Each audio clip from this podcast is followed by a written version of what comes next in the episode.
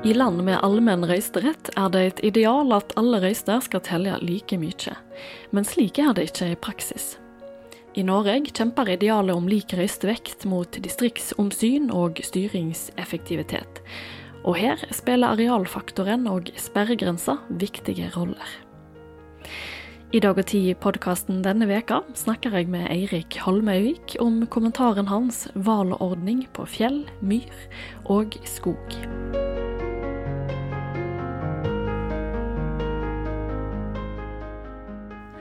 Velkommen, Eirik Holmøyvik. Takk skal du ha. Du er professor i rettsvitenskap ved Det juridiske fakultetet eh, ved Universitetet i Bergen. Og du er representant for Venezia-kommisjonen. Og i dag skal du gi meg og de som lytter, et bedre innblikk i den norske valordninga.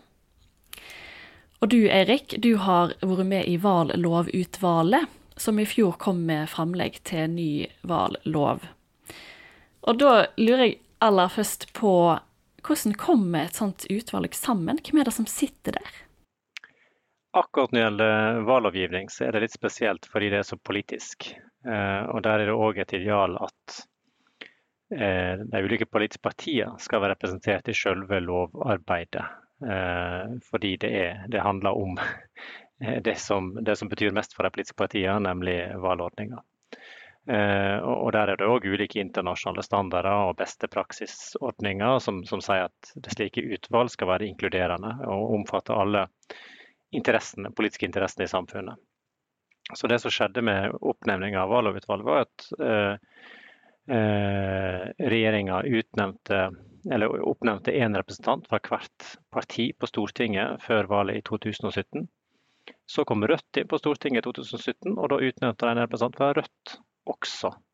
Eh, slik at alle stortingspartiene var representerte med en, ett medlem hver. Eh, både fra Arbeiderpartiet til Rødt, og hadde like, mye, like stor stemme i, i, utvalget. Og I tillegg var det sammensatt av ulike fageksperter og representanter fra kommunene.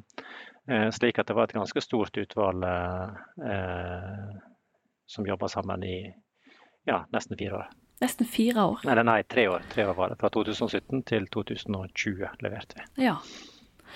Og jeg forstår at, eh, eller naturlig nok i et sånt utvalg, så er det vel eh, uenighet blant de som sitter der. Eh, og det ble diskutert om sperregrensa burde heves eller senkes, og om en burde skrote arealfaktoren og om antall valgdistrikt burde reduseres fra 19 til 11. Hva var det dere var mest uenig i i dette utvalget? Nei, det er jo de tingene der du, du nevner. Eh, du kan si at sånn, Valgordninga har to sider. Den har en mer teknisk del, altså selv, på selve valggjennomføringa. Eh, klageordning, skal du, hva skal reglene være for eh, agitasjon i valglokalet? Hva skal forholdet mellom de ulike valgstyresmaktene, altså den type ting, der er det stort sett, vi er stort sett enige om alt. Eh, men når det kommer til de mer politiske delene, altså det som handler om altså veien fra du legger eh, seddelen i valurna til du får mandat, eh, det var klart ikke å bli enige om. Så der har vi i stedet for så har vi eh, laga ulike alternative modeller som Stortinget kan bruke som utgangspunkt for, eh, for sin vurdering når de skal ta stilling til dette om ikke så lenge. Hva er det du mener da? Nå har jeg jo lest kommentaren din som sto i Dag og Tid denne uka.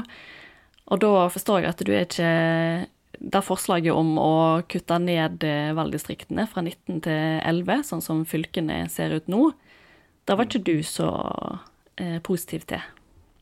Nei, altså du kan si sånn at det 11, den 11, vi, vi lagde to modeller, én basert på 19 valgdistrikt og én på 11.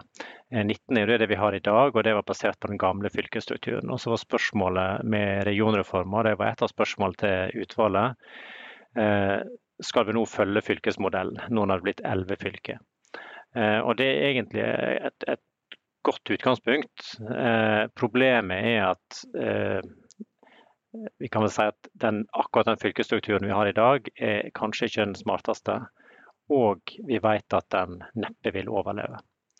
Eh, sant, fordi vi, allerede i dag vi ble nedsatt, så visste vi det at, at de som nå har flertall på Stortinget, de ville endre denne fylkesstrukturen. Slik at Da vi gikk inn i dette arbeidet, så visste ikke vi om det kom til å bli 11, 12, 13, 14 eller 19 fylker da vi var ferdig. Eh, så, så, det er jo eh, det var et, et, altså, Akkurat der fikk vi nesten en umulig oppgave, fordi denne fylkesmodellen var i spill eh, fra dag én. Um, der er òg et par utfordringer med akkurat 11. og Det ene er at Viken, dette nye storfylket, er så stort at det ville fått ja, 36-38 mandat. Slik at det ville blitt så mye større enn de andre valgdistriktene at fått, den fylkesbenken ville, vil få veldig stor makt dersom den blir en realitet. Eh, og Da er spørsmålet om vi skal samle så mye makt på én fylkesbenk. For du, du kan knapt tenke deg en eneste stor sak eller samferdselsinvestering eller noe som helst som kan få flertall på Stortinget uten at Viken er med. Eh, så, og, og, så, så det var et, et, særlig problem for oss. Og et annet problem der er jo at med en så stor fylkesbenk, så skal det veldig lite til for å få man, direkte mandat eh, fra Viken. Eh, mye mindre enn det som skal til i noen av valgkretsene i dag. Så Det betyr at det vil kunne, lett kunne få inn eh, sant, protestlister, lokale lister osv. på Stortinget, eh, som, som, har egentlig bare lokale saker de kjemper for. Vil du kunne, kunne fått inn i større grad eh, fra Viken enn du kan fra, få fra de andre valgkretsene. Vi fikk jo dette nå fra Finnmark med ja. denne eh, pasientfokuslista. Mm. Eh, med dette vil, vil vi kunne få mye mer med et stort valgdistrikt som Viken, med mindre vi da innfører særskilte sperregrenser på distriktsmandat, som da vil bli aktuelt hvis Viken, eh, hvis Viken blir en realitet som valgdistrikt. Særskilte sperregrenser? Ja, fordi i dag i Norge så har vi eh, ikke sperregrenser på de 150 distriktsmandater vi velger. Så der er det slik at du, du altså Der blir det bare fordelt etter stemmetallet.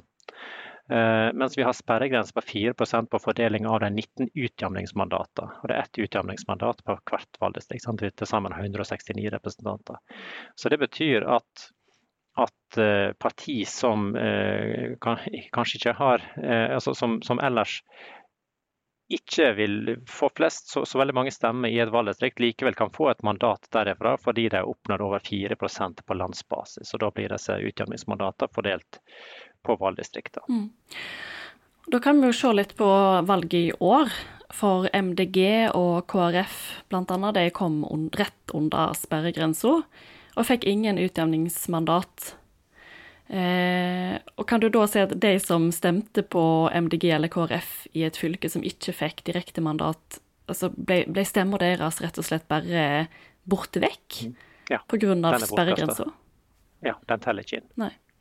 Det samme gjelder for så vidt eh, også de, eh, hvis du stemte på et parti som ikke fikk direktemandat. Eh, men, men det, ble, det, altså det, det, er mer dramatisk for MDG og, og, KrF, fordi de er i stemmetall veldig nær Venstre og, og Rødt. Men mandatuttellinga er dramatisk forskjellig. Altså det betyr at det står dobbelt så mange velgere hvert, bak hvert mandat for MDG og KrF som for de andre partiene. Mm. Uh, og, og det, det, som er det, og det, sånn Sperregrenser har vi i veldig mange land, men, men, det dette rører ved, er jo prinsippet om at det skal være lik stemmevekt. Sant? Én velger, én stemme.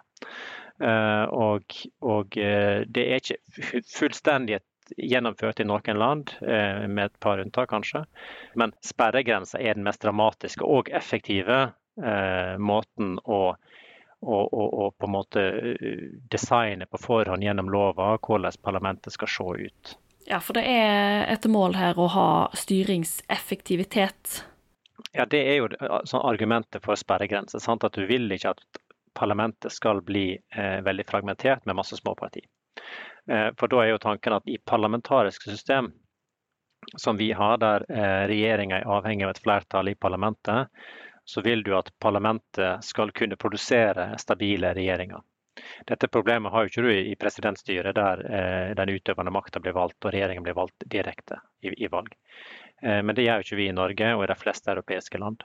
Um, og Derfor har de fleste land ulike eh, varianter av sperregrenser som setter en viss terskel for, for representasjon i parlamentet. Og det går fra ingen sperregrense i Nederland mm. til 10% i Tyrkia. 10% i Tyrkia, ja. Men den er helt ekstrem. Den ligger godt over alt det andre. Det normale er mellom 3 og 5 men den i Tyrkia, og er sannsynligvis nå i strid med den europeiske menneskerettskonvensjonen, men den ble godtatt av menneskerettsdomstolen i Strasbourg, for dette er juss. Eh, det er grenser for hvor langt en stat kan gå i å eh, manipulere eh, valgresultatet gjennom sperregrense osv. Mm. Men den ble godtatt uh, for noen år tilbake fordi det var helt særskilte omstendigheter i, i, Tyrkia. Der det er store problemer med å, å, å få på plass regjeringa. Ja, okay. uh, og da ble den godtatt, men den vil neppe bli godtatt for Norge, mm. f.eks. En 10% sperregrense. Men i Nederland der de ikke har sperregrenser, er det alltid vanskelig å skipe i regjering der? Ja, altså, det, det, er jo litt rart med dette, fordi styringseffektivitet er jo dette store argumentet. Mm. Og så sier de at uten sperregrense så, går, eh, så, blir det kaos i Norge. Blir det da? Det jo, nei, altså Nederland er jo et veldig velfungerende eh, demokrati. Um, eh, de har jo nå, fordi Der har de ikke sperregrense. Det er, bare, det er også bare én valgkrins som gjør at uh, det, det, det prosenttallet av stemmer du trenger for å bli representert i parlamentet, er 0,67 ca. Og det, det, skal ikke mye til. Og det betyr at jeg har, altså Resultatet er at jeg har fått 16-17 parti pluss eh, flere enpersonsgrupper inn i parlamentet. Og det er bare 150 representanter i parlamentet. Eh, sånn at eh, Nederlandske regjeringer har fire-fem parti. Det er koalisjonsregjeringer. Og det er veldig krevende i Nederland å, danne disse regjeringene. På den andre sida i Sverige har de 4% sperregrense på distriktsmandat, altså en mye strengere sperregrense enn vi har. Men de har òg problem med å skippe regjeringer. Eh, men det er jo fordi eh, den svensk politikk har blitt veldig polarisert. Sånn at dette, dette eh, styringseffektivitetsargumentet må ikke vi dra for langt, fordi sperregrense er jo ingen garanti for styringseffektivitet. Det er et langt mer komplisert fenomen som også handler om politisk kultur, avstanden mellom partiet og andre ordninger i parlament, arbeidsordning osv. Slik at eh, det er vanskelig å si at Nederland er mindre fungerende politisk og konstitusjonelt enn Sverige. Eh, og Sverige, som vi, som vi, husker for ikke så lenge tilbake, så hadde de store problemer med å skipe regjering eh, under Löfven. Og de vil kanskje få det nå òg, men det var jo fordi eh, høyresida eh, ikke klarte å samles pga. spørsmål om, om, samarbeid med Sverigedemokraterna. Men hva med Norge? Hvordan tror du at Stortinget ville sett ut hvis vi ikke hadde hatt sperregrensa? Ditt Dette stortingsvalget? Ja, altså det vet vi. I hvert fall eh, Ut fra utrekningene valglovutvalget kom fram til, så ville vi dersom vi i Norge hadde én valgkrins og ingen sperregrense, så ville du måtte hatt 0,4% av stemmene for å få et mandat omtrent. Eh, og Da ville vi i dag, i tillegg til da, eh, altså at MDG og, eh, og, og KrF ville kanskje ville fått litt flere mandat, men ikke, ikke dramatisk mange flere, så ville òg Demokratene, Pensjonistpartiet og kanskje også partiet De kristne fått mandat. Men valgresultatet ville jo vært det samme. Så, så, sånn at Arbeiderpartiet ville vært størst. Eh, og Arbeiderpartiet og eh, KrF og SV ville kunne kanskje hatt flertall også da. Sånn at eh, i fall slik det er nå, så ville ikke det blitt dramatisk annerledes i Stortinget uten eh, sperregrense. Men kan vi ikke bare kutte oss ved sperregrensa da, og da vil jo hver, hver enkelt røyst faktisk telle? Ja, det, altså Idealet er jo det. og det, det, det må, sant, i, I valgutvalget så er det på en måte utvalget delt på dette. Eh, flertallet der jeg hører til, vil ha 3 eh, Det er jo et ganske pragmatisk òg. Vi kunne jo tenkt 2, vi kunne tenkt 1 um, eh, men, men, litt av, men, men eh, et annet, et mindretall vil ha 4% og noen vil ha 5% og Det ligger òg inne et grunnlovsforslag om 5 eh, så, så vi, vi, kunne bare tenkt oss vekk dette. Uh, men, men, vi har nok tenkt at uh, det kan være fornuftig å ha en, en viss terskel uh, for å komme inn, nettopp for å hindre rene altså regionale parti som ikke har, altså tenker nasjonalt. og for å ha en viss kontroll, altså for, for ikke oppfordre til fragmentering av eh, parlamentet. For jeg tror nok at denne sperregrensa også kan virke litt preventivt. Ved at folk når de går inn i stemmeavlukka, så tenker de seg om skal jeg stemme på dette partiet som nesten helt sikkert ikke kommer inn, altså kaste bort stemma mi, eller skal jeg heller legge den i potten blant de partiene som vil komme inn, eller har en sjanse til å komme inn. Så jeg tror nok det er et element, det òg. Men personlig så uh, ville jo jeg vært åpen for å senke sperregrenser enda mer. Nettopp ut fra dette idealet om at uh, alle stemmer skal telle likt. Uh, og det er jo, altså Vi må huske på at dette henger jo sammen med at, det at vi har allmenn stemmerett i Norge. Hva er poenget med allmenn stemmerett hvis ikke stemmene skal telle likt? Ja, godt spørsmål. Så, så vi må, ja, så vi må liksom huske på det òg. Og så er det klart at i alle valgordninger så blir det gjort visse pragmatiske tilpassinger eh, som gjør at dette altså det kan være eh, Det er ikke alltid fullt samsvar mellom idealet og virkeligheten, men en prøver da å få det nærmest mulig. Og Det som på en måte har vært enighet om i dette utvalget, eh, det er jo at må, vi skal forsøke å styrke proporsjonaliteten i valgordninga litt mer. Ja. Kan vi dra inn arealfaktoren her, kanskje, eller? Det kan vi. Da, eh, ja. Den er jo det mest spenstige elementet i den norske valgordninga. Den er jo den som utlendingene Du må liksom forklare to ganger for å skjønne at det er mulig. Eh, arealfaktoren eh, går ut på at når vi skal fordele mandat mellom de ulike valgkrinsene, altså Finnmark, Oslo, Hordaland, så ser ikke bare på innbyggertallet og fordeler mandater proporsjonalt etter innbyggertallet. Vi tar også med flatevidda i valggrensene, altså hvor store de er. Og Det er der jeg er litt eh, freidig har kalt eh, sånn fjell, myr og skog. eller noe sånt. Ja, Så fjell, myr og skog de har sine røyster òg ved et valg? Ja, det teller iallfall med når vi fordeler eh, den politiske vekta eh, mellom disse valggrensene. Eh, og det, den treffer rimelig greit, for tanken bak arealfaktoren eh, er jo at den skal gi utkantene, de valgkretsene med lengre vei til makta, litt større vekt på Stortinget enn de sentrale strøkene. Eh, men samtidig er jo den en helt vilkårlig faktor, fordi eh, altså store valgkrinser eh, som ligger nær makta, altså hvis du lager en, stor, en geografisk stor valgkrins rundt Oslo, og det er vi omtrent der med Viken, eh, ja, så vil jo den òg i prinsippet kunne være med, få ekstramandat pga. arealfaktoren. Den får det ikke nå eh, hvis den blir vedtatt, men den vil, den vil ligge nær. Eh, mens små valgkrinser som ligger altså geografisk små valgkrinser som ligger fortsatt langt unna eh, sentralforvaltninga og Stortinget i Oslo, som Møre og Romsdal, får ikke utbytte av denne arealfaktoren.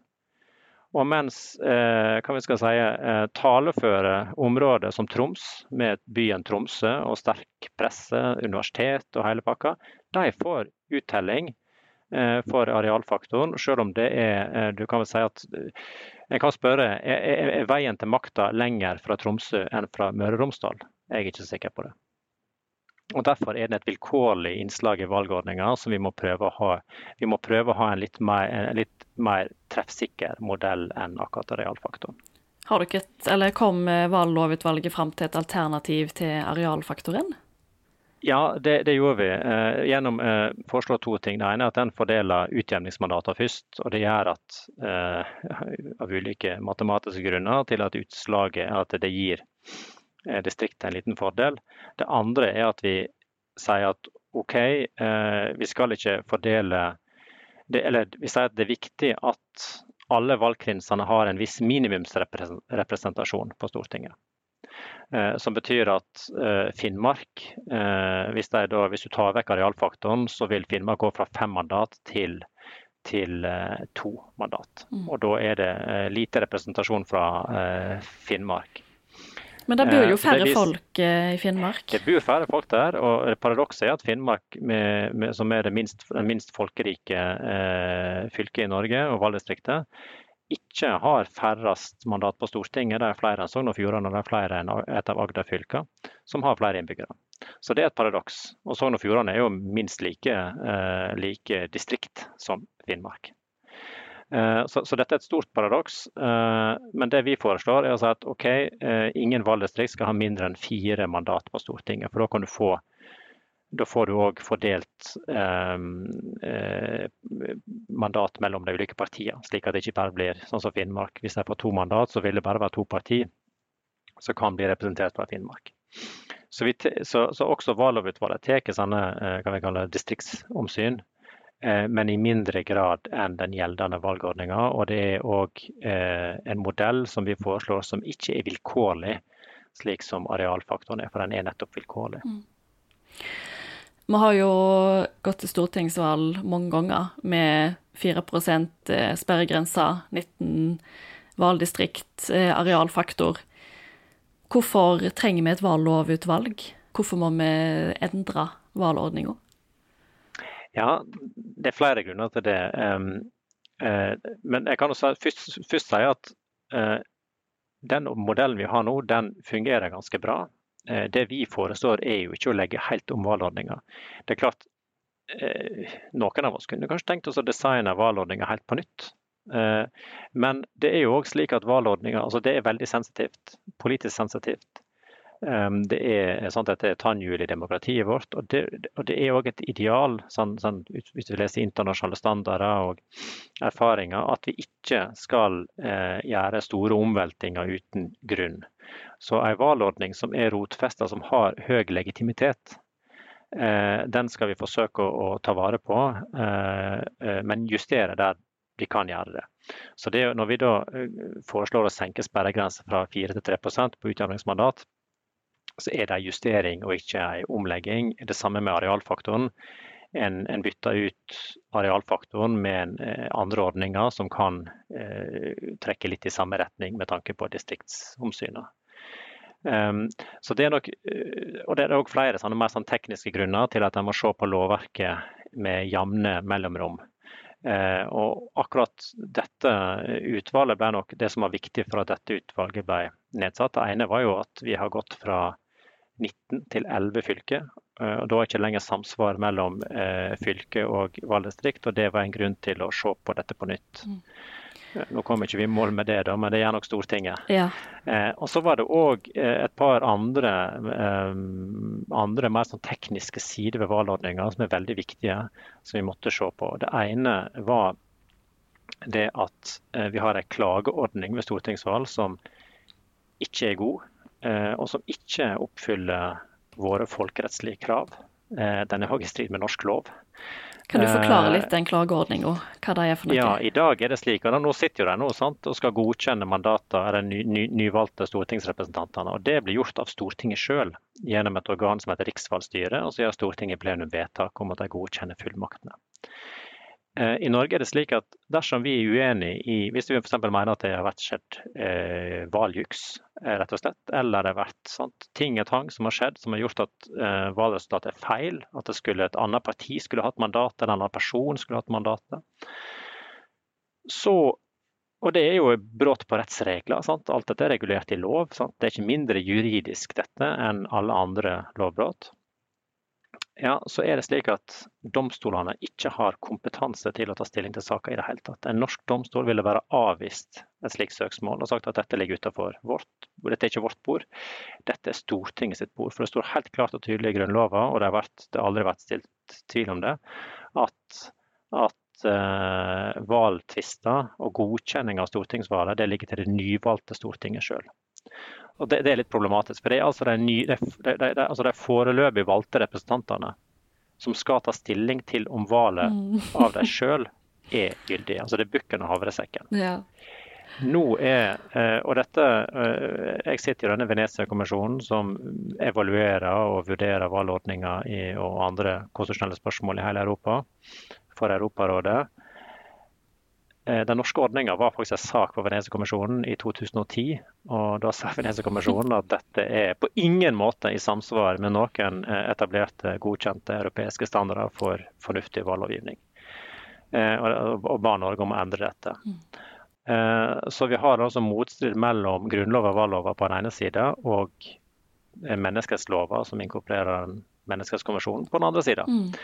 Eh, og Dette kan ikke vi leve med, og det var en av grunnene til at valget ble satt ned. og det var, eh, De sa klart at dere må, endre den, eller må foreslå endringer til den ordninga. Eh, den andre grunnen til at vi også ble nedsatt, var at det er litt, altså I dag er det tvil om hvordan valgordninga eller hvordan valglova ville fungert dersom vi får en, krise som gjør at en stor del av velgerne ikke kan stemme. Så Det vi ble spurt om å gjøre, var å lage beredskapsregler, som det heter, eh, i valglova for å sikre at dersom det skulle komme en naturkatastrofe, eh, at det kunne vært eh, brudd på kommunikasjon, altså sånn internett og elektrisiteten forsvinner, eller, som vi da også peker på, før 12.3.2020, eh, hvis det kommer en pandemi. Eh, som gjør at f.eks. Eh, ingen av velgerne i Bergen tør å gå ut på valgdagen for å stemme. Så skal det være regler i valgloven som gjør at du kan forlenge valgtinget, altså valgdagen, eller du kan utsette valget i en kommune eller flere kommuner for å, å, å sikre at disse velgerne får stemt. Det er ikke det mulighet i dag. Altså hvis du har fått en situasjon à la mars 2020 nå, som kommer brått på, så vil vi hatt kjempeproblem med å få gjennomført valget på en riktig måte. For Det er òg absolutte tidsfrister her, vet du. Sant? Så valget må være gjennomført innen eh, utløpet av september. Eh, etter det så er alt opp ute. Eh, mange av disse endringene som vi foreslår, også sperregrense, valdistrikt, arealfaktor, det er grunnlovfesta. Så for at vi skal få endringer her, så må det være to tredjedels flertall på Stortinget. Så du skal ikke bli overraska om eh, at når vi går til valg i 2025, så er det 19 valgdistrikt, det er arealfaktor og det er sperregrense på utjevningsmandat på 4 ja. Tusen takk, Eirik Holmøyvik, for at du eh, ville være med i Dag og Tid-podkasten. Bare hyggelig.